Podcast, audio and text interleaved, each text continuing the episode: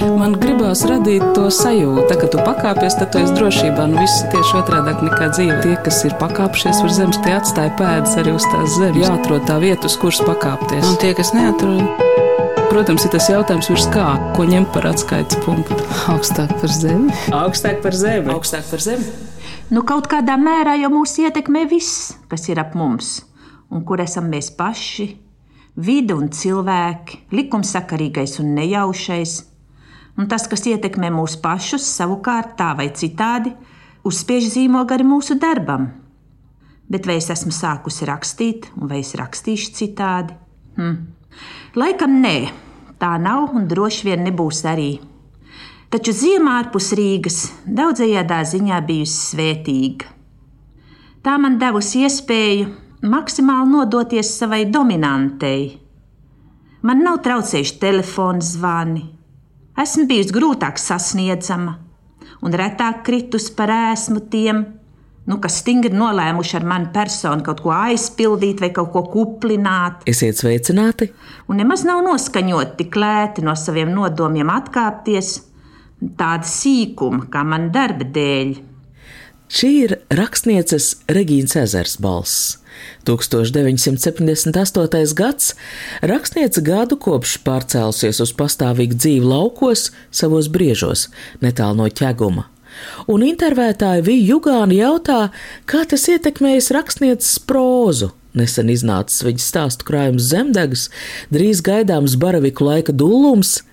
Intervija tapus pirms vairāk kā 40 gadiem, bet skan gandrīz kā šo kā pandēmijas laiku, radošu cilvēku dienas grāmatu. skaisties un skaldīties.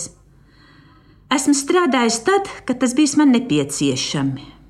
Nevis tad, kad kāds vai kaut kas man atvēlējis tam nelielu un nejaušu laika sprīdi. Esmu ļāvusies ritmam, un tas sniedz dvēseles līdzsvaru, gandarījums sajūtu. Būt ritmā, būt ritmā iekšā, tas ir ļoti svarīgi. Mēnesis grieži, gada laiki, sirds puksti, ielpa, izelpa, vai tie arī nav ritmi, ritmi. Jā, turklāt es mīlu ziemu, un šogad es to skatīju ļoti tuvu, vaigu vaigā, visā viņas baltajā, fantastiskajā krāšņumā. Nu, ko tad vēl? Es laikam biju laimīga. Mans vārds ir Anna Bušvica, un pārskatīt Latvijas radio fondus mani pamudināja pētniecisku rakstu un izprozas parafrāžu krājums Regīna Ezera Re. Šī krājuma iznākšana ir daļa no lielākas ieceres. Literatūras un filozofijas žurnāls Punktum jau pirms gada Regīnas ezers 90. jubilejā bija iecerējis rakstniecei veltīt literatūras festivālu, kur gan izjauc pandēmiju. Kā aizkavētā un gaidāmā festivāla vēstnesis iznākusi minētā grāmata Regīna ezera Re, kas ir ne tikai 12 par Regīnu ezeru domāt uzaicināt autoru stāstu kopkrājums, grāmatā ir arī pētnieciskā sadaļa. Un tajā rakstnieks un literatūra kritiķis Gunts Berels gan sniedz savu vērtējumu par Regīnas ezera sarakstīto, gan arī atklāja stāstu par kādu nenotikušu tikšanos. Citēšu: Šķiet, 1996. gadā R.E. piedalījās prozas lasījumos, prozas brokastīs Andalūzijas sunī. R.E. lasīja liekas fragment no savām stopētājas piezīmēm. Jau ar pirmajiem vārdiem apliecinādam, ka spēj būt jaunāka, ekspresīvāka par tā laika gados jaunajiem autoriem. Priekšnesums, kurā tika lasīts būtībā pagalām nepretenziozs, ar sīkiem sadzīves faktiem piesātināts dienas grāmatas, izvērtās patiesi žilbinošs un iesēdās atmiņā uz laiku laikiem. RE noteikti bija kaut kāda plāna saistībā ar GB. Un tālāk seko stāsts, kā Regīna Ezera esot iecerējis, ka Guntis Berels varētu par viņu rakstīt grāmatu. Pielikumā atrodams arī rakstnieces vēstules, tikpat elegantā, asprātīgā valodā, kā nu pat dzirdētā, acīmredzam iepriekš sacerētā radio intervija, taču šīs vēstules tomēr arī neslēpj cilvēcisku ievainojamību un arī vēlmi tajā ar kādu dalīties. Guntis Berels, mans sarunbiedrs šai raidījumā. Tev ir priekšstats, kāpēc Regīna Vezera vispār izjūt tādu vajadzību, lai par viņu taptu grāmatu. Bija sajūta, ka kaut kas ir palicis neizstāstīts. Tā bija Vizmas Belševits Bille, kas radīja šo vēlēšanos. Man palikās sajūta, ka viņa jutās drusku tāda kā apiet, jo 90. gadi viņai bija diezgan dramatiski salīdzinot ar to, kā viņi pirms tam dzīvoja. Ja, tomēr padomu laiku rakstnieks ja, iznāk grāmatas milzīgās tirāžās un tūkojumu iznāk. Nauda nav jādomā, viņi bija baigi nepraktiski. Tas vārds, ja. Tad viņi pēkšņi 90. gados sajūtās nu, baigais nabaks. Neviens viņai vispār nepievērš uzmanību. Un tāpēc viņa kaut kādā veidā varbūt meklēja to Tāpēc mēs kaut kā sakontaktējāmies. Ja? Jo man pret viņu bija milzīgā cieņa. Es par viņu jau tad šo to biju uzrakstījis. Un viņai tās manas nedaudzās recenzijas bija palikušas atmiņā.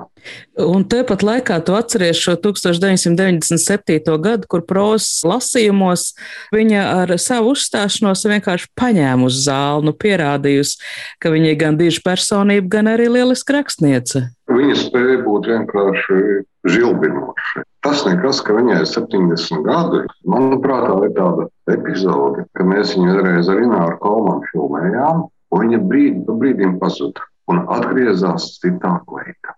Saprotiet, Inārai vienkārši matus lienos stāvus, kā viņi pēc tam visu to samontēs kopā. Bet viņi atgriežas citā kleitā un citu par citu puķaināku. Tur bija kaut kas baigi aizkustinošais ka viņai ļoti gribējās publiski izskatīties tādai labai un tā, bet tajā pašā laikā viņai nekas nebija pretī, kā viņa pati aprakstījusi, teiksim, braukt kaut kur no Rīgas ar stopiem, savā cienījamajā vecumā.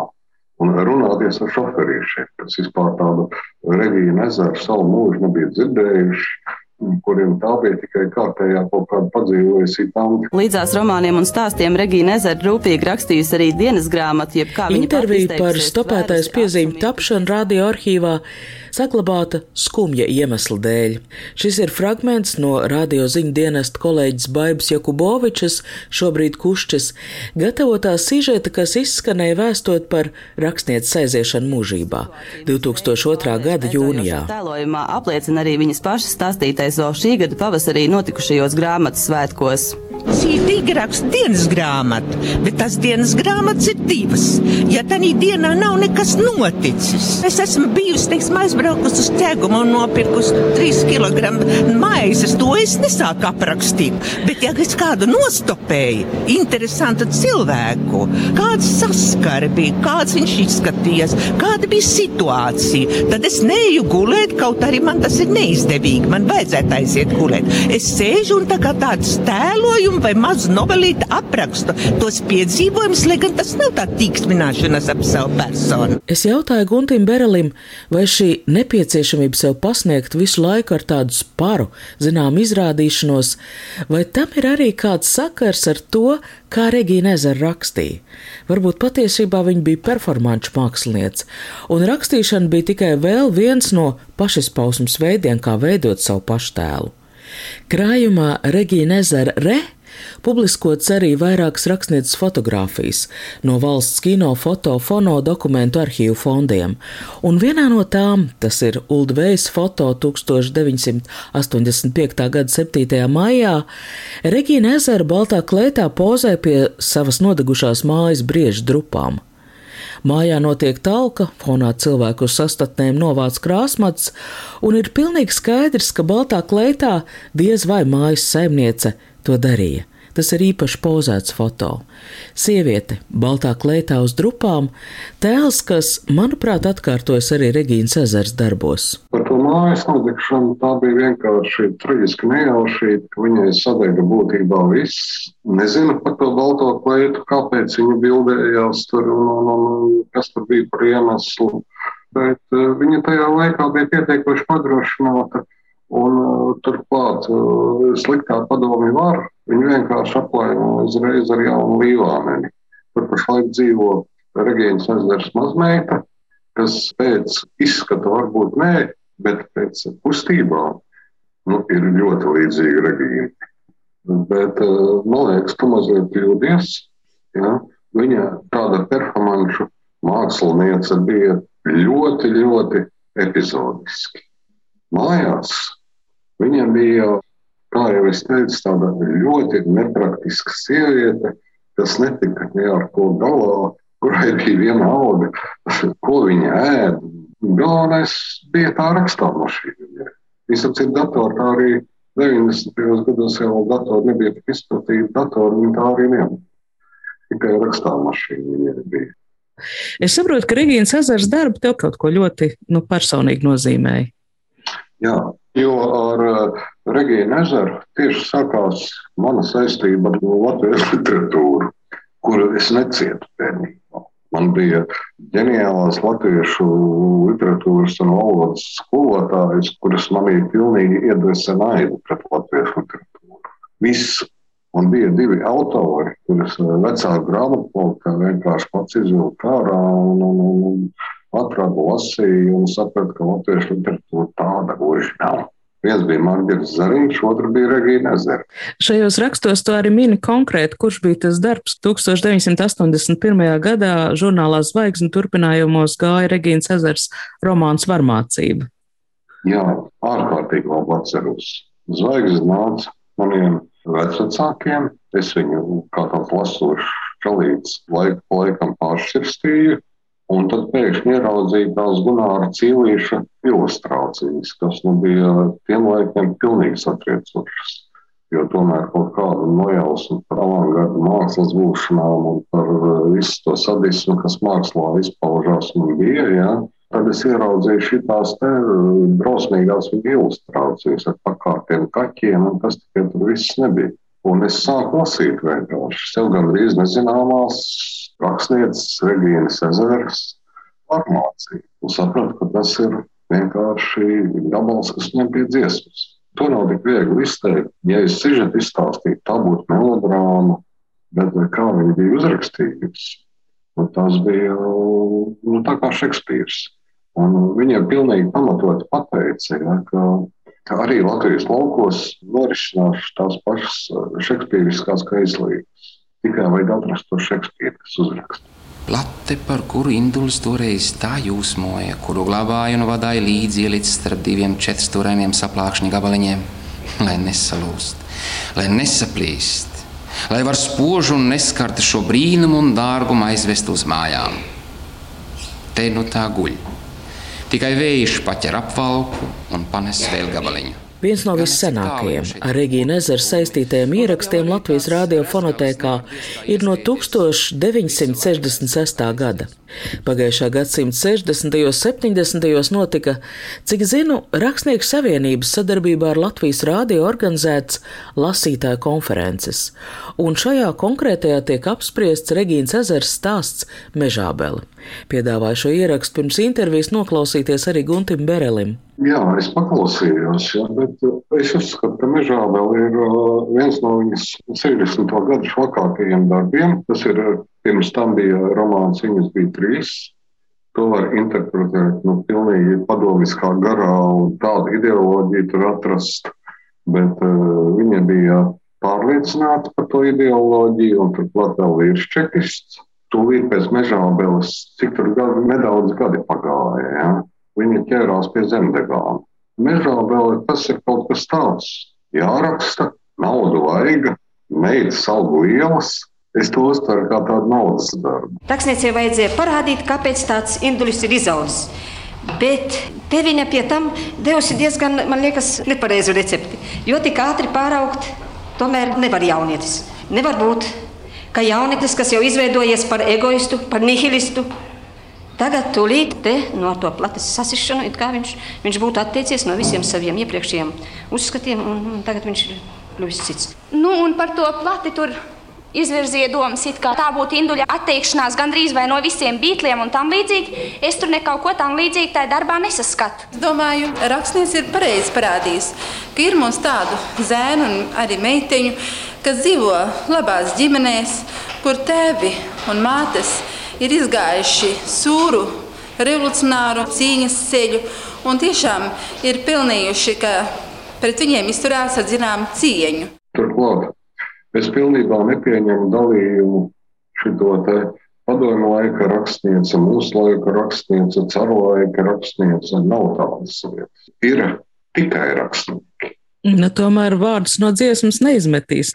Man ir grūti saprast, nu, teiksim, no šodienas pozīcijām, kāpēc tad viņa rakstīja tā, kā viņai pašai, vai viņa nejūt vai nepatīk.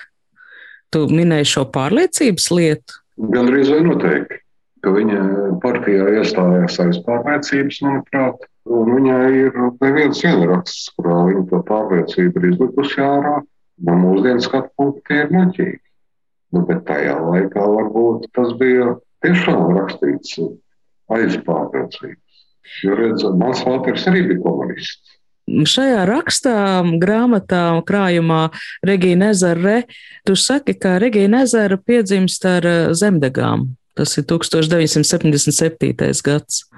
Noteikti. Un šo grāmatu viņa pamudināja rakstīt briesmīgu personisku drāmu. Viņai meita nomira, Ja nemaldos, bija tāda situācija, ka viņi pēc tam gadu nemaz nerakstīja, pēc tam sāka domāt par stāstu krājumu, pieķērās zemdegām. Nu, iznāca viens no latviešu literatūras šedevriem. Bet tas nebūtu nenozīmē, ka, lai, jā, lai autors sataisītu kaut kādus ģeniālus darbus, viņam jāpiedzīvo traģēdijas. Starp citu, vai jūs zinat, kas ir zemdegs? Nu, iedomājieties meža ugunsgrēku, kūdrainā apvidū, sausa jūlija diena, un viss deg šņāgdams, krāgdams, dzirksteļodams, oranžas liesmas mezdams, saskrien un sabrauc cilvēki. Ugunsgrēks tiek nodzēsts, itin kā nodzēsts, bet paiet dienas, nedēļas, kūp. Beidzot paiet mēneši, joprojām kūp un kūp. Kas gan tur var kūpēt? Zeme deg, zem virsējā slāņa, apakš zemesēdzes, grūst kūdra. Uznāk ziema, paiet ziema, viss samirks sniega ūdeņos, nu gan liekas cauri būs, bet atkal nekā. Ko līdz ūdeņa aiztek, ko līdz zeme apžūst, kūp atkal, grūst atkal. Un tā dažkārt gadiem ilgi. Nekādu liesmu, nekādas uguns, tikai deguma vietai pāri klājas, itin kā nevainīga zilgan dūmaciņa, un druskoši pēc sviluma. Tas arī viss. Rakstu krājumā Regīna ezera Re Guntis Berels raksta, ka jau kopš pagājušā gadsimta 50. kopš Regīnas ezers debijas prozā, neviens nav apšaubījis viņas prozists talantu. Un tomēr Zemdegas nāk kā pārsteigums. Zemdegas uzskatāms par lūzumu punktu viņas daļradē un varbūt arī latviešu prozas procesā.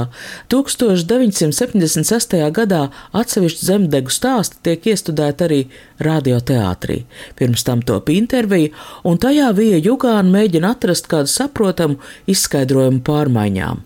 Un tomēr Vai jūs neesat pārlieku atrausies no sabiedrības, no kultūras, no ērtībām, no, visa tā, kas mūsdienu cilvēkam vairs nav luksus, bet varētu teikt jau nepieciešamība? Par ērtībām? Jā, tur jums ir simtprocentīgi taisnība. Esmu atrausies, esmu. Malka šķūnī, ūdens akā, bet par pārējo var strīdēties. Bet vispār uz jūsu jautājumu man gribētos atbildēt ar kolabriņģona vārdiem. Esmu sabiedriskas dabas bet tikai tad, kad man uz to nesas prāts.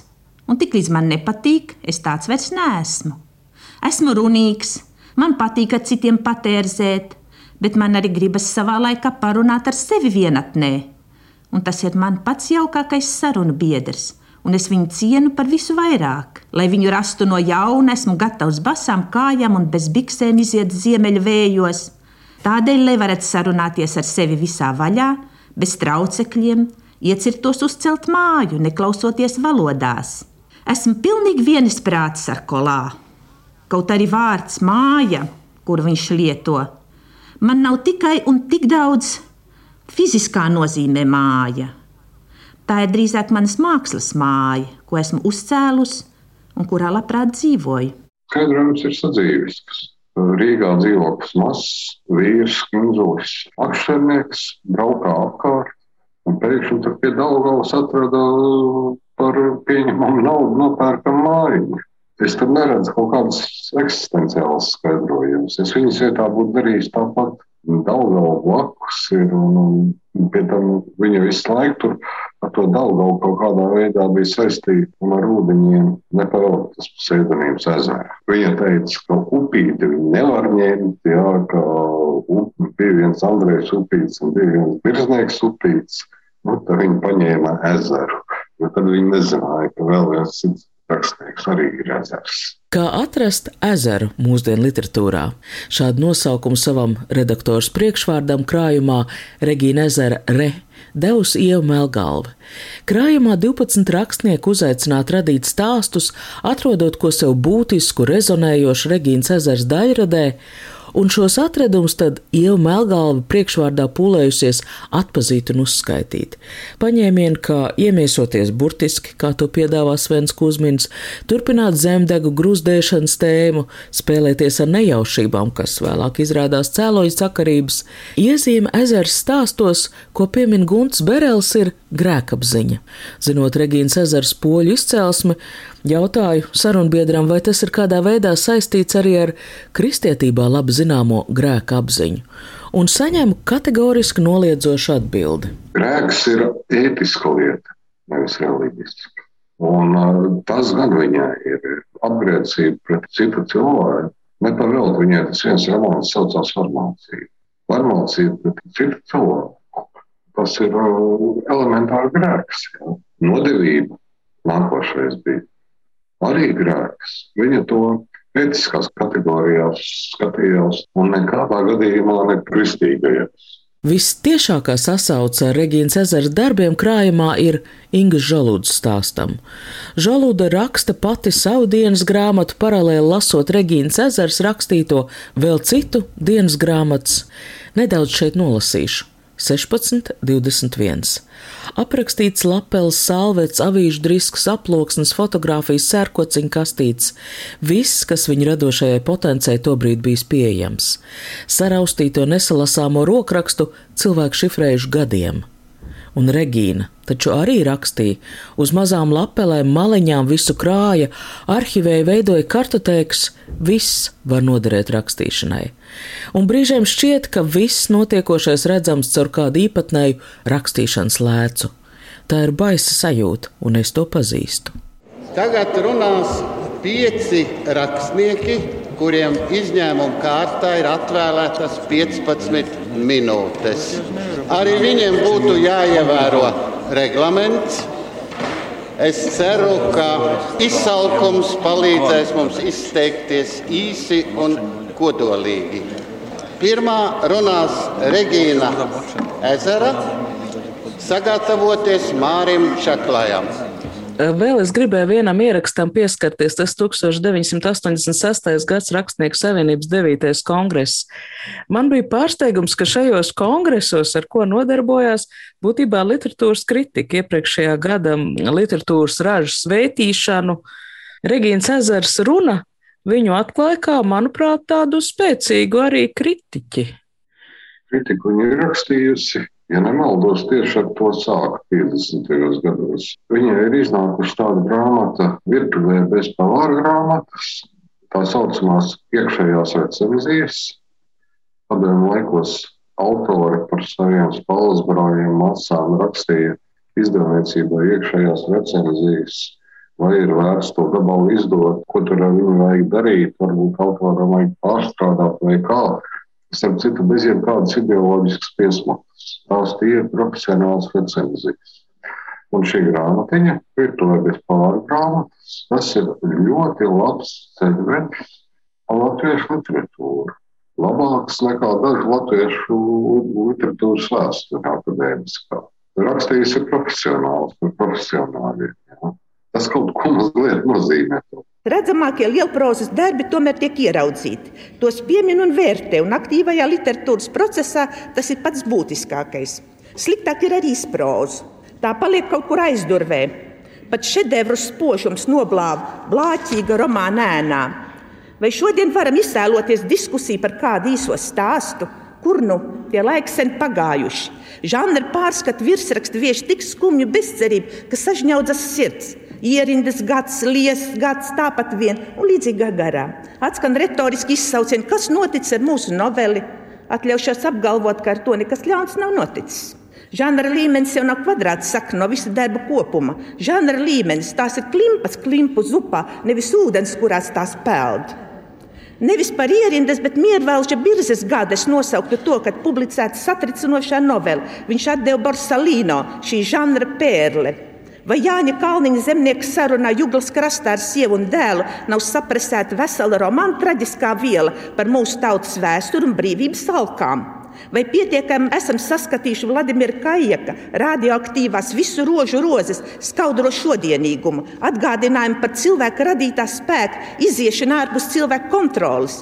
Piecos gados radušies lieliski Mārtiņa Kandrūps, Māras Svīrs, Alberta Bela, Andra Jakubāna, Aivara Kalvis stāsti. Un reizes uzskaitīšanas maisam tiks guldīta mūsu izcilā rakstniece Regīna Ezera. Viņa, kas bija viena no spilgtākajām mūsu psiholoģiskās prozas meistarēm, Mūžībā aizgāja šo otrdienu, 11. jūnijā. Pirmās publikācijas viņai bijušas 50. gadu vidū, kopumā izdotas turpat 30 viņas oriģināla grāmatas. Viņa ir viena no pasaulē zināmākajām latviešu rakstniecēm. 2003. gadā, jau pēc rakstnieces aiziešanas mūžībā, iznāk viņas meitas Aijas valodas sakārtot grāmata Pāri izdegušiem laukiem skrien mans sapnis. Grāmatā ir Regīnas ezers neatbildētā mīlestība, vēstules Gunāram Priedem, tagad publiskots rakstnieces vēstules Guntim Berelim. Nekad kaut kādā vakara ziņā es Regīnas ezers vēstules un savu sarakstu nedot un nestāstītu par to, bet šādā grāmatā tas mierīgi iet iekšā. To nav iespējams kaut kā vulgarizēt. Un tāpat arī mana saraksta Regīna. Tas ir vienkārši izcils rakstnieks stāstos kādam stipri jaunam autoram. Literatūras un filozofijas žurnāla punktum šī gada literatūras festivāls būs veltīts Regīnai Ezerai. Maijā, jūnijā gaidāmi tiešsaistes lasījumi. Ar jums sarunājās Anna Bušvica, raidījuma skaņa operators Valds Raitums. Paldies Guntim Berelim par sarunu, kur noslēdzot jautājumu, Kurš viņa prāt Regīnas ezers darbs būtu izlasīšanas vai pārlasīšanas vērts, kurš ir palicis nepietiekam novērtēts? 95. gadā, man liekas, izmērs. Puķa ola, jā. Beidzot viņi to mēnesi nosauc par puķa olu, un, un, un nu, tur ir baiss stāsts iekšā. Jo tiešām tādu, no kuriem man zosaudnietos kādreiz. Kas tev liekas visvaldzinošākais viņas stāstos? Jo tu vairāk kārt piemini tās šausminošās ilustrācijas un zosādu. Tu pats esi šausmu stāstu autors. Nu, tieši tas, ka viņi aizķer kaut kādu cilvēku dziļāko nervu. Jā. Tas ir tā, ka tev ir pašam tev ir kaips no bailēm, bet tai pašā laikā bailes. Bet tu tomēr pilnīgi tā kā nolēmēts ej uz tām šausmām kas tevi sagaida. To nevar par kaut kādu likteni nosaukt. Ja? Nu, tā ir tā puķa ola. Un kad viss cilvēki aiz savas stulbuma, aiz savas varbūt cilvēcības vienkārši sataisa tās ziepes paši sev un citiem. Ja? Un to viņa spēja uzķert un parādīt kā tādu cilvēcisku lietu. Ka vienkārši cilvēkam tas ir raksturīgi. Sev rīk var pārgriezt, citam rīk var pārgriezt. Tās ir cilvēciskas lietas visas. Viņi to parāda kā tādas ikdienas padarīšanas. Kā to iespējams, ka, saprot, māmiņa paņēma un norauda savu bērnu, lai neviens cits neredz, lai neviens cits nezina un visu mūžu dzīvo ar to šausmu. To viņi rakstīja varmācībā un tāpat nodevībā. Tās nav lietības, ko viens cilvēks ar otru var izdarīt bez ļauniem nodomiem. Nezinātājiem pat grūti nojaust, kas īstenībā noticis un notiek zemes iekšienē. Bet tur ir jau izgrūzdējušas milzīgas svelmainas velves un ālas, arkas un spraišļi, un tad kādu dienu virskārta piepieši dzirksteļojot iebrūk. Tā tas notiek, un tās arī ir zemdegs. Tā kā tu pakāpies, tad tu esi drošībā. Nu, viss ir tieši otrādi nekā dzīve. Tas ir tā spēle, jā. Tie, kas ir pakāpšies uz zemes, tie atstāja pēdas arī uz tās zemes. Protams, ir tas jautājums, ko ņemt par atskaites punktu. Nē, nu, principā ir skaidrs, augstāk par zemi. Jāatrod tā vieta, uz kuras pakāpties. Augstāk par zemi. Augstāk par zemi. Augstāk par zemi.